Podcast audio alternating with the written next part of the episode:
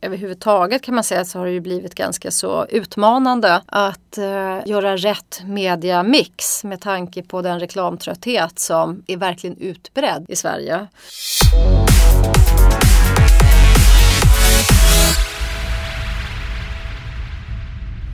Hur kan man marknadsföra sig som hållbart när man jobbar med drivmedel?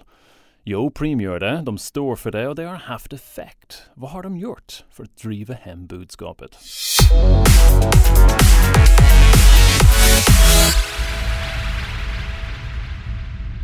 Marie Bark, marknadschef Preem, välkommen till Contentpodden. Kul att ha dig här. Um, Preem är det största bensinbolaget i Sverige. Hur har ni kunnat sticka ut i en så konkurrenskraftig bransch? Om du pratar med gemene man så tror jag att väldigt många skulle bli lite förvånade över det uttalandet att Prim är Sveriges största drivmedelsbolag. För så uppfattar inte gemene man Prim, men det är faktiskt sant precis som du säger att Prim är Sveriges största drivmedelsbolag. Ehm, och vi är främst stora inom business to business. Och sen är vi också en stor exportaktör så vi är faktiskt en av de största exportföretagen i Sverige. Förklara den både business to business och export. Vad är det för, för affär där då? Dels så är det ju eh, den verksamheten som är mot, mot allmänheten och det är våra bensinstationer. Och det är ju den som gemene man ser så vi brukar säga att den utgör ungefär 95% utav varumärkesupplevelsen med 5% utav omsättningen. Okay. Men det är en viktig del för oss för just att bygga kunskap om Prim som varumärke när man möter kunden. Så vi har ett antal kundbesök, cirka 40 miljoner kundbesök via våra stationer. Den andra delen då är ju mot business to business och nu pratar vi om den svenska marknaden. Eh, och vi är ju leverantörer utav drivmedel och bränslen till en rad olika branscher inom business to business. Både tung industri, vi har också marinsidan, vi har specialbränsle och eh, sen har vi också den tunga trafiken där vi är riktigt stora inom och vi har ett eget nät som heter Soifa. Okej, okay, och det är ju lastbilar du menar och alla Ja, sådana företag, åkeriföretag ja, och sånt. Mm. Okej, okay, och där utgör egentligen största delen av er omsättning. Är det bara 5% på konsumentsidan? Då? Jag ska säga att det, det, är lite högre idag men det låter ju väldigt bra att säga 95 och 5. Men, jag, men det kanske rör sig om 10 procent idag. Men den, det är, framförallt så är det som så att den stora omsättningen den är inom business to business. Om vi går tillbaka just till den slags konsumentmarknaden. Eh, när jag går till en bensinmack eller, eller vem som helst tänker de på vilket varumärke de går, går in på? Eller har, har, har folk en, en åsikt över vilken bensinmack de går in till överhuvudtaget? Eller tänker de bara att jag måste tanka bilen? Ja, men det är ju en ganska otacksam roll kan man säga lite grann med glimten i ögat att, att jobba med marknadsföring av drivmedel för det är ju faktiskt eh, lågintresseprodukt. Så att det är ju mycket, mycket roligare att eh, titta på kommunikation eller lägga pengar på någonting som man kanske stoppar i munnen eller en resa. Men det här är ju faktiskt så att det är ett nödvändigt ont så det är ju inte så att man tycker att det är toppenkul och betala tusen kronor för att tanka. Men däremot så ser man att det är en lågintresseprodukt men vi eh, ser oss själva som ett högintresseföretag. Vi har en fantastiskt intressant och spännande berättelse att delge till allmänheten. Och berätta då, den här fantastiskt intressanta berättelsen mm. som är högintressant. Mm. Vad, vad är er story då ut mot mm. marknaden? Preem har ju en fantastisk vision, en utmanande vision för ett drivmedelsbolag och det är att vi ska leda omvandlingen mot ett hållbart samhälle. Kan man säga så som ett drivmedelsbolag? Ja, det tycker vi att man kan göra. Eh, för att vi jobbar hela tiden att, för att forska och utveckla nya eh, drivmedel som är bättre ur en miljö, ett miljöperspektiv.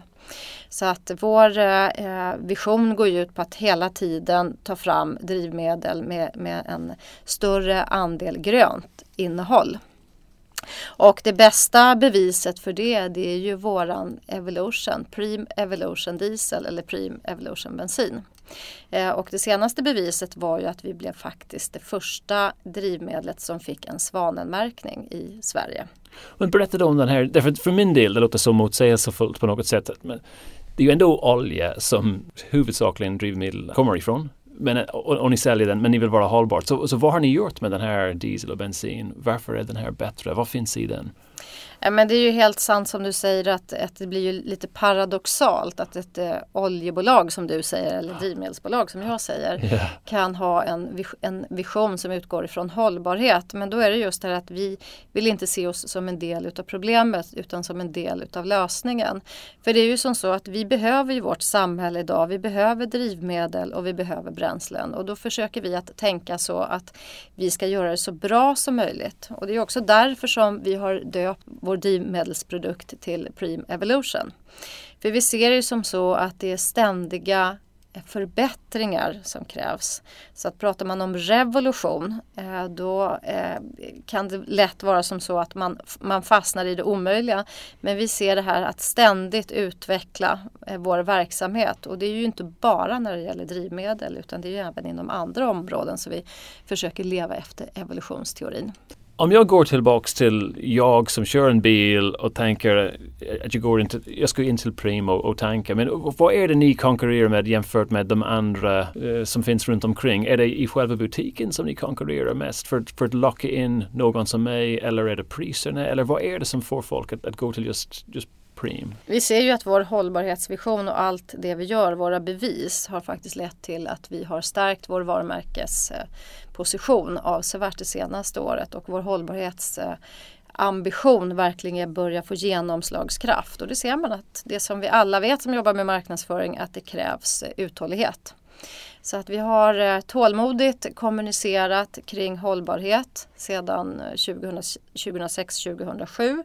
Och eh, när man säger att man integrerar all kommunikation oavsett om vi pratar om strategisk taktisk kommunikation eller det man möts av på en station så ger det effekt. Men som svar på din fråga, vad är det som gör att vi differentierar oss eh, i förhållande till våra konkurrenter? Så skulle jag vilja säga att det är både ute på plattan där man tankar och även in i butik. Och just eh, Preem Evolution, om vi tar eh, Preem Evolution Diesel, så innebär det om du till exempel tankar då vår svanenmärkta eh, produkt så är det ju så att varannan mil du kör den är fossilfri och det kostar inte ett öre mer. Så det tycker jag är ett väldigt starkt argument och det tycker ju våra kunder också. Så det börjar gå hem, det har en, den har en effekt nu i försäljning kan man säga eller i, i lock-in kunder. De, de, de, de känner att det här är ett bättre val för mig en stor andel utav våra eh, nya kortkunder säger att de har valt Preem på grund utav det vi gör när det gäller utvecklingen utav förnybara drivmedel. Så det är absolut så att det har gett en effekt i försäljningen. Och du har nämnt nu sedan 2006 har ni pratat om den här med hållbarhet och det gäller att, som vi alla vet, man måste nöta på år efter år. Mm. Är det en tioårscykel att, att, tills man ser effekt eller är det fem år? Eller hur har det, hur har det känts för er i alla fall? Hur har det varit för er? Jag tror inte man kan säga ett visst antal år men jag ser framförallt de senaste två åren så har det gett effekt och det är eh, störst effekt ska jag säga och det är nog främst beroende på just att vi har integrerat budskapen i olika kanaler. Det syns tydligt när du kommer och tankar, när du står på, på våra stationer så har vi stripat upp eh, med Evolution budskap. Eh, vi är också mer integrerade idag när det gäller sånt du kan köpa i våra butiker. Till exempel så har vi under året bytt ut alla mejeriprodukter så att de är ekologiska. Vi har lanserat en hållbarhetskorv, en chorizo, som är 50% mindre kött och det vet vi ju att det är ju både bra för miljön och för kroppen. Eh, och vi hade även i somras en sommarkampanj där vi tog in bara ekologiska produkter som pannkakor och glass med mera. Och det ser vi när vi kommunicerar allt, allt sammantaget har samma budskap, då ger det en stor effekt. Så det är just kombinationen av allt som, som börjar gå hem. Därför just korven kände jag till och kommer jag ihåg från, från tidigare i år. Eh, att, och det sticker på något sätt i huvudet. Mm. Eh, även om jag inte märkt någonting med själva eh, bensinen eller diesel. Eller, men, men, men, ändå har jag det i huvudet. Att just mm. att det är lite mer hållbart för någon mm. därför att ni har gjort någonting i butiken. Men det gäller att göra helheten. Ja, och det är ju väldigt kul att du säger att du, du, du kommer ihåg den här kampanjen för korven. Och det är ju faktiskt så att ibland så kanske man måste locka lite med magen för att få hjärnan att lyssna på ja, en korv. Så kan man få upp intresset för våra drivmedel och, och faktiskt det är det vi gör ur hållbarhetsperspektiv. Är det, är det jobbigt att behöva säga samma budskap igen och igen och igen år efter år? Jag menar, är det en utmaning när man jobbar internt med, you know, med ett bolag och försöker få ut med ett budskap? Därför att man måste upprepa sig väldigt ofta för att ha en effekt. Jo, det är klart att det är en utmaning men i det här fallet så utgår vi från Prims vision. Så att det är ju, det liksom ligger i vårt DNA. Så att eh, hållbarhet, det är ju det som är liksom eh, själva kärnan i verksamheten. Sen är det ju som så att det är också liksom någonting som vi vet allmänt känt i, i branschen att man tröttnar ju lätt själv. Ja. Men det här är, liksom, det är en, en, filosofi. Sen kan man alltid uttrycka den på lite olika sätt ja. och det gäller ju också att uttrycka det på ett sådant sätt så att, så att det berör människor och engagerar just eftersom vi pratar om drivmedel. Ja. Och nu en annan fråga när det gäller konsumenter, därför att det är det jag kan bäst på något sätt, därför att jag är en konsument till bensinmackar och inte inom B2B. Men det finns priser utanför varje bensinmack, inte bara i Sverige, det känns runt om i världen. Mm. Man ser hur mycket både bensin och etanol och, och diesel kostar. Är vi konsumenter väldigt priskänsliga? Är det därför de är där eller vad är anledningen? Jag har jobbat på Preem i åtta år och eh, när jag började här från början då skulle jag nog vilja säga att då var det ett betydligt större fokus på priset. Att, att konsumenterna var, var mer priskänsliga. Men eh, jag skulle säga att idag är det inte alls på samma sätt faktiskt. Eh, men om man frågar kunder i undersökningar vad är det som gör att du väljer en viss station eller ett visst företag så säger man priset och man säger läget. Men jag är tveksam till om verkligen priset är avgörande. Läget är avgörande för det är ju en förutsättning för att du ska kunna välja ett visst företag. Men det är ju också som så att på, i många orter så finns det kanske tre eller fyra mackar i en mm. korsning. Och det finns ju en anledning till varför man svänger in på den ena eller den andra macken och det är ju för varumärket delvis. Så att varumärket är viktigt även om inte konsumenten vill erkänna det. Din, din största utmaning då? Vad skulle du säga är din största utmaning i, i din roll idag? Ja, det finns ju såklart många utmaningar. För ett antal år sedan i början när jag, när jag kom in i den här branschen som ny så såg jag att det hände inte så mycket. Utan det hade varit lite samma, samma typ av produkt och eh, samma aktörer på marknaden. Men nu händer det väldigt mycket på flera fronter samtidigt. Det kommer in nya aktörer på marknaden och det blir nya drivmedelsprodukter och det är ju spelregler som också vår regering sätter upp som gör det väldigt spännande för oss hur vi ska kunna agera eh, i, imorgon. Spännande låter som ett politiskt korrekt sätt att mm. säga jobbigt. ja, för vi vill ju ha mer tydliga eh, spelregler från våra politiker om vi ska kunna investera i våra raffinaderier och för långsiktig överlevnad. En annan fråga när det gäller kampanjer, Ehm, hur jobbar ni med kampanjer? Därför ni har olika sorters kampanjer. Vi jobbar på tre olika nivåer med våra kampanjer. Först är de strategiska övergripande kampanjerna och sen tar vi ner dem på taktisk nivå och på operativ nivå. Och de strategiska kampanjerna, deras roll är ju att beskriva vilket företag Prim är, alltså att bygga bilden utav Prim som ett högintresseföretag. Och sedan har vi taktiska kampanjer och där kan man se, att då delar det sig beroende på om du är på business to business eller business to consumer. Och pratar man om, mot allmänheten, ja men då är det de kampanjerna som du själv nämnde, yeah. hållbarhetskorv, ekologisk kaffe, vårt Mastercard-kort som mm. vi lanserade för ett år sedan. De är exempel på taktiska kampanjer. På samma sätt jobbar vi med taktiska aktiviteter mot business to business. Och sen är det det operativa, själva kundmötet. Det viktigaste är ju att man har en samma tonalitet och känsla och, eh, och budskap så att kunden känner igen sig oavsett om man tittar på en strategisk kampanj eller mötet med oss på stationen marknadsföringsbudget nu idag jämfört med 5-10 år sedan? Är det en annan sätt att fördela på den? Därför att det är så mycket digitalt nu och det är ju traditionell reklam är inte kanske lika viktigt som det var. Men det beror lite på bransch. Jag menar, hur fördelar ni budgeten idag jämfört med tidigare? Mm. Alltså över överhuvudtaget kan man säga så har det ju blivit ganska så utmanande att eh, göra rätt mediamix med tanke på den reklamtrötthet som eh, är verkligen utbredd i, i Sverige. Ehm, så att det är en utmaning att hitta kunderna på, på det mest eh, kostnadseffektiva sättet faktiskt. Ehm, så att det är klart att det har förändrats. Tv har ju varit vårt huvudmediaval under ett antal år. Och det blir ju dyrare att, att nå de här kontakterna via tv. Men det är klart att digitalt har ju kommit på senaste fem sex åren. Så, så det fanns ju inte i samma utsträckning tidigare. Mm. Så att eh, content i någon form kommer ju alltid att vara viktigt för oss.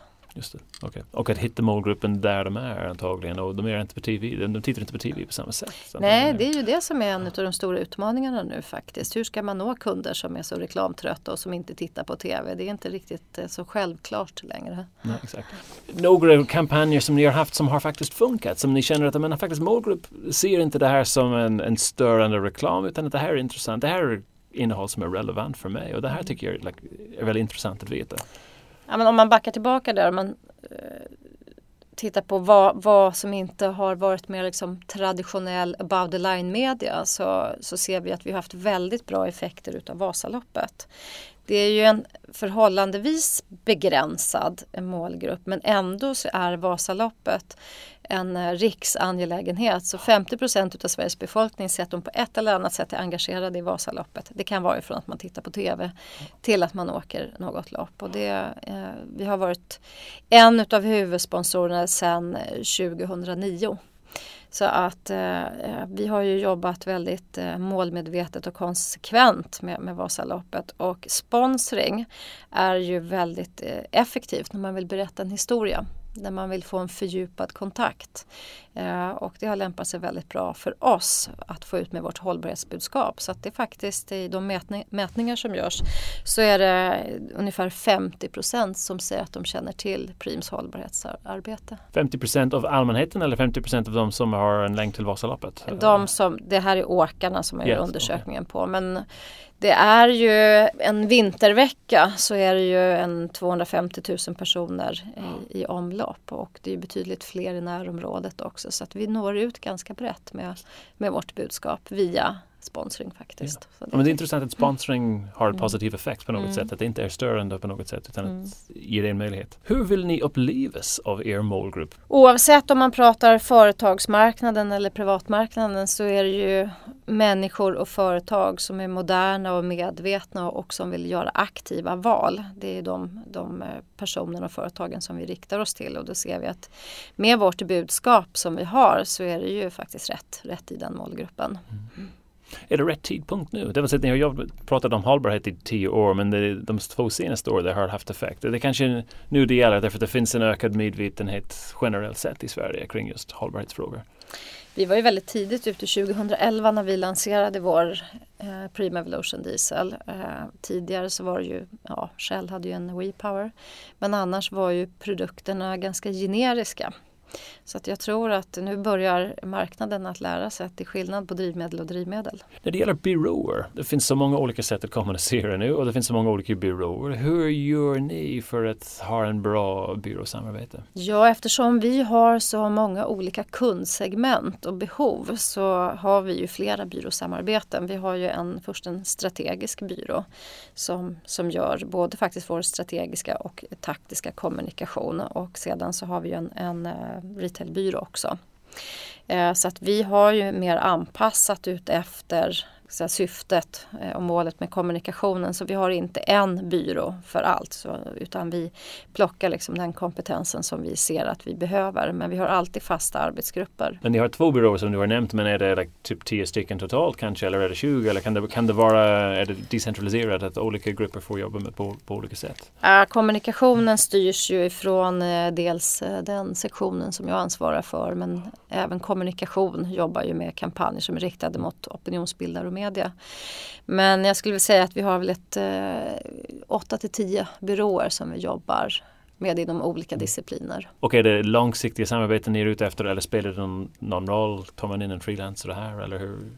Nej men vi ser långsiktigt på byråsamarbeten och eh, jag ser inte att det, är, att det är något självändamål att man ska byta byrå vart tredje år utan vi har mm. jobbat länge med vår strategiska byrå.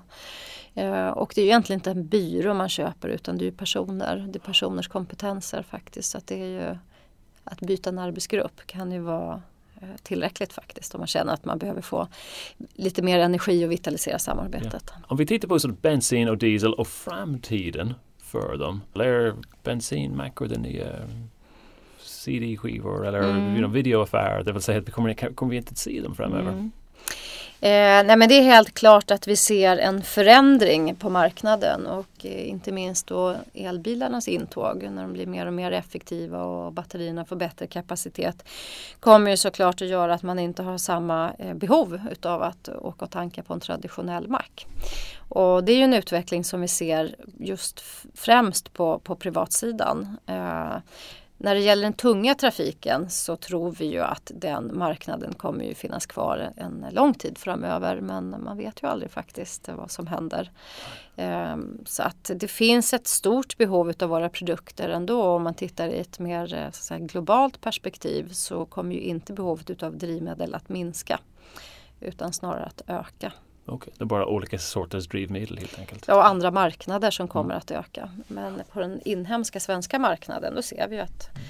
att människor äh, åker mindre bil och tankar mer sällan eftersom bilarna blir mer och mer bränsleeffektiva. Ni har en ganska komplex business to business eh, affär, ni jobbar med exportörer, ni har mm. konsumenter. Marknadsföringsmässigt, hur är ni organiserade internt för att kunna hantera alla de här olika dealer? Du har ansvar för allt. Mm. Jag jobbar ju då på marknad och försäljning, alltså det är den svenska marknaden. Eh, så att eh, det är ju min sektion då som jobbar med att, eh, att positionera och marknadsföra Preem på, på den svenska marknaden emot alla de här kundsegmenten. Sen har vi ju då en kommunikationsavdelning som jag sa som jobbar mer mot opinionsbildare och media. Eh, när det gäller exportkunderna, det är klart att de drar ju nytta av det varumärke som vi har och det vi har laddat det med. Men de är ju inte på den svenska marknaden men det är helt klart att de är kunder hos oss för att vi är ett svenskt företag och det står för kvalitet och pålitlighet vilket är viktigt när man jobbar med, med drivmedel. Så du, du, har de två också, men har, har ni, ni, har olika grupper också? Eller det är marknadskommunikation och den är grupp mot export?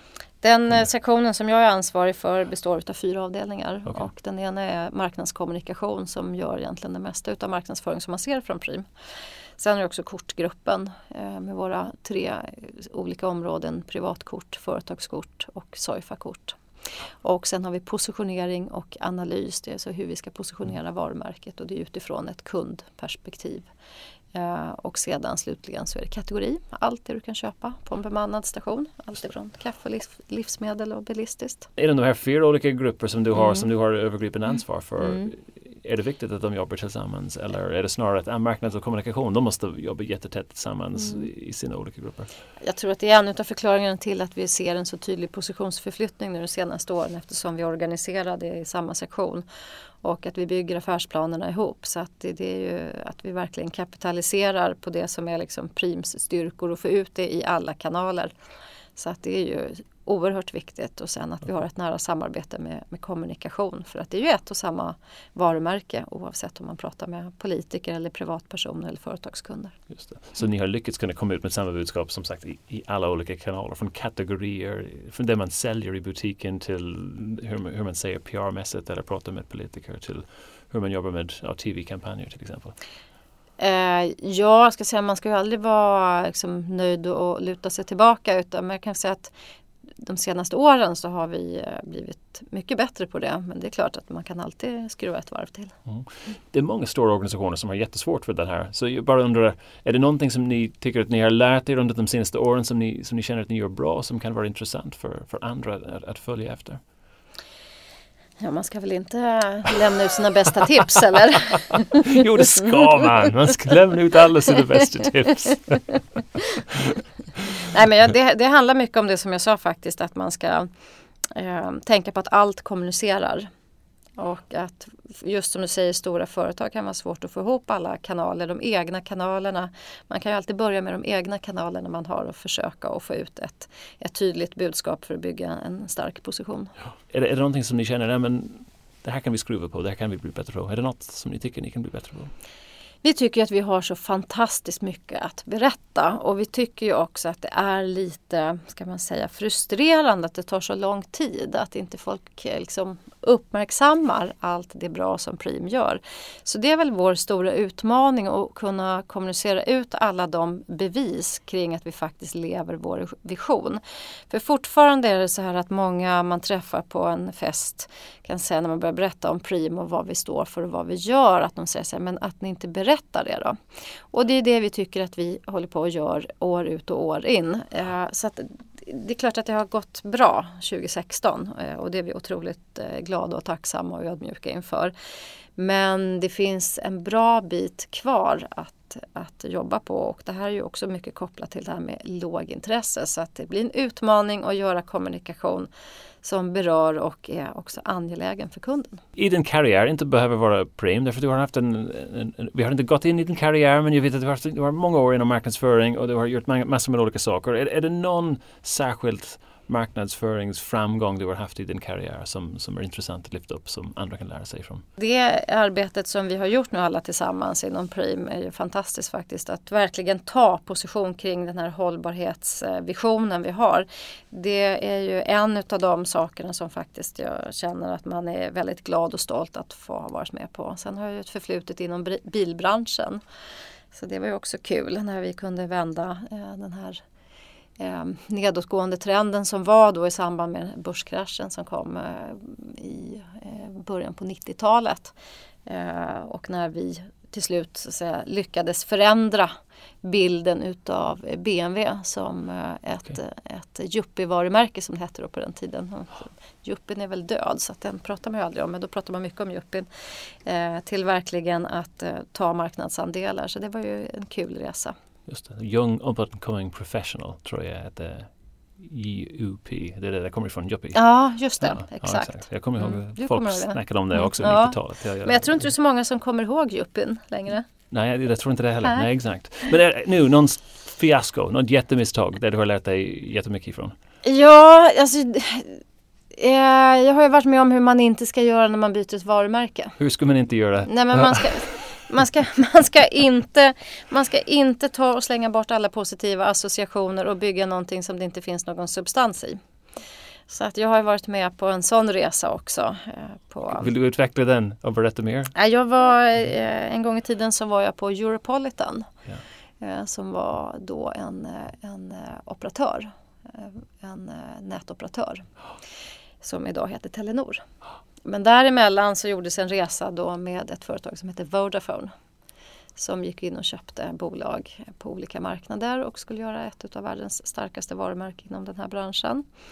Ehm, och Europolitan var ett företag som eh, hade en, en, eh, ska man säga, en varumärkesstrategi kring att vara bäst i branschen på innovation, teknisk innovation och även kundbemötande hade mångt och mycket en åtagande kultur och det var entreprenör, entreprenöriellt mm. företag. Eh, och sedan så kommer Vodafone in som eh, be, be part of, of, the biggest network och har en helt annan position på marknaden och eh, vi fick ju ungefär instruktionsböcker för hur vi skulle ändra kulturen och hur vi skulle bygga det här globala varumärket. Och eh, ja, men det gick ju inte så bra. Det höll ju lite drygt no något år. Sedan drog man sig ur den svenska marknaden. Från att ha varit en, liksom en eh, riktig framgångssaga blev vi ju ett problembarn. Så att man ska vara väldigt mån om det varumärke man har och de associationer som finns i varumärket. Och det går inte bara att ta fram en instruktionsbok och köpa en massa media och trumma ut ett budskap om det inte finns något acceptans till det man har att kommunicera. Just det. Så det var egentligen väldigt mycket kulturkrock också mellan de här två olika bolagen? Ja, det var det. Ja, ja men det är jätteintressant. Mm. Absolut. Och jag menar, Vodafone har gjort väldigt bra ifrån sig i andra länder men de finns inte här fortfarande. Ja, man brukar ju säga att det är väldigt svårt att ta sig in på den svenska marknaden med globala koncept. Mm. Då så. Bara så du vet. Jättebra att veta. Jag har inga globala koncept i mitt huvud överhuvudtaget. Vi är väldigt lokalt och jordnära här. För någon som är ny inom marknadsföring och kommunikation, har du några tips eh, för att få sitt första jobb eller hur man ska tänka om man vill komma in i den, i den här mm. branschen? Om du kunde ge råd till någon som är ny. Ja, jag skulle ju om jag vore ung idag då skulle jag ju titta på de här lite gamla uvarna som sitter typ som jag då och se vad det är de inte kan. Ja, men vi, nu ska inte jag uttala mig, det ska inte jag generalisera men jag skulle ju absolut eh, fokusera på att bli duktig på content. Eh, det kommer ju alltid att eh, vara gångbart oavsett vad det är för så kanal. Skönt att höra. Ja. ja. Eh, och sedan men, överhuvudtaget eh, digitala media skulle jag bli duktig på. Det finns ett behov på, på företagssidan att få in den kompetensen för att sitter man på företagssidan så är det ju oftast lite äldre personer faktiskt. Jag tror att man kan börja på de yngre människorna har lättare att ta sig in på byråer mm. och svårare på företagssidan. Så att skulle jag som ung ta mig in på företagssidan då skulle jag skaffa den kompetensen som inte finns idag ja. i den utsträckningen. Vilken marknadschef eller kommunikationschef skulle du vilja att vi, eh, vi snackade med härnäst? Nej, men jag tycker det var lite spännande att höra vad Circle K säger så att då skulle jag ju lyssna på det med stort intresse. Ja, och de har gjort ett stort varumärkesförändring ja, där. Mm. Så jag skulle önska att du ställde frågan till Circle K's marknadschef. Vad är deras bästa framgångsrecept? Då ska jag lyssna på vad han har svar. Ja, det blir jätteintressant. ja. Absolut. Därför, men det är ju en, en jätteprojekt som de håller på med mm, nu. Verkligen, och det har de gjort bra. En sista, sista fråga som uh, är en pest eller kolera-fråga som vi ställer till alla av, av, något slag. Vi försöker alltid här i kontoret komma på något som vi tycker är jättejobbigt att, uh, att svara på. Sen tycker vi det är svårt att hitta en riktigt jobbig fråga men jag tycker det här är bra, eller jobbig. Mm. Så du, du, har två val. En är att uh, Preem nu bestämmer sig för att ta betalt för alla gratistjänster som finns på bensinmackar. Så det vill säga mm. att du mm. betalar betalt för, för luften i däcken mm. och för, uh, för att spola av bilen och allt det där. Nu, nu ska det ska bli en slags en Ryanair mm. och bensinmackar och nu måste, du, nu måste du kommunicera den. Det är ju, det är ju en. Och den andra är att ni får inte visa skyltarna på priserna utanför bensinmacken. Vilken skulle du välja och, och varför? Ja, nu är jag en marknadsmänniska mm. så att då är det lätt för mig att säga att plocka bort prisskyltarna faktiskt. Då skulle man kunna använda dem till att kommunicera något annat istället. Jag tror inte att det är så många egentligen som tittar på prisskyltarna idag. De är liksom någon form av hygienfaktor. Okay. Att eh, man, eh, skulle inte priset vara där då skulle man känna sig lite osäker. Det är någonting som inte stämmer. Men det är klart att eh, ta bort eh, de här kringtjänsterna som luft och, och tvätta vindrutetorkar eller vindrutorna. Eh, det är ju bland annat därför man åker in på en station. Så att det är ju för det är convenience och då är det här ju en del utav det faktiskt. Så att jag tycker att vi ska ha, vi ska ha så bra kundbemötande som möjligt. Så då åker prisskyltarna Du åker prisskyltarna, men det var inte så jobbigt den här frågan överhuvudtaget. Marie Back, stort tack för att du var med på Content Tack så mycket.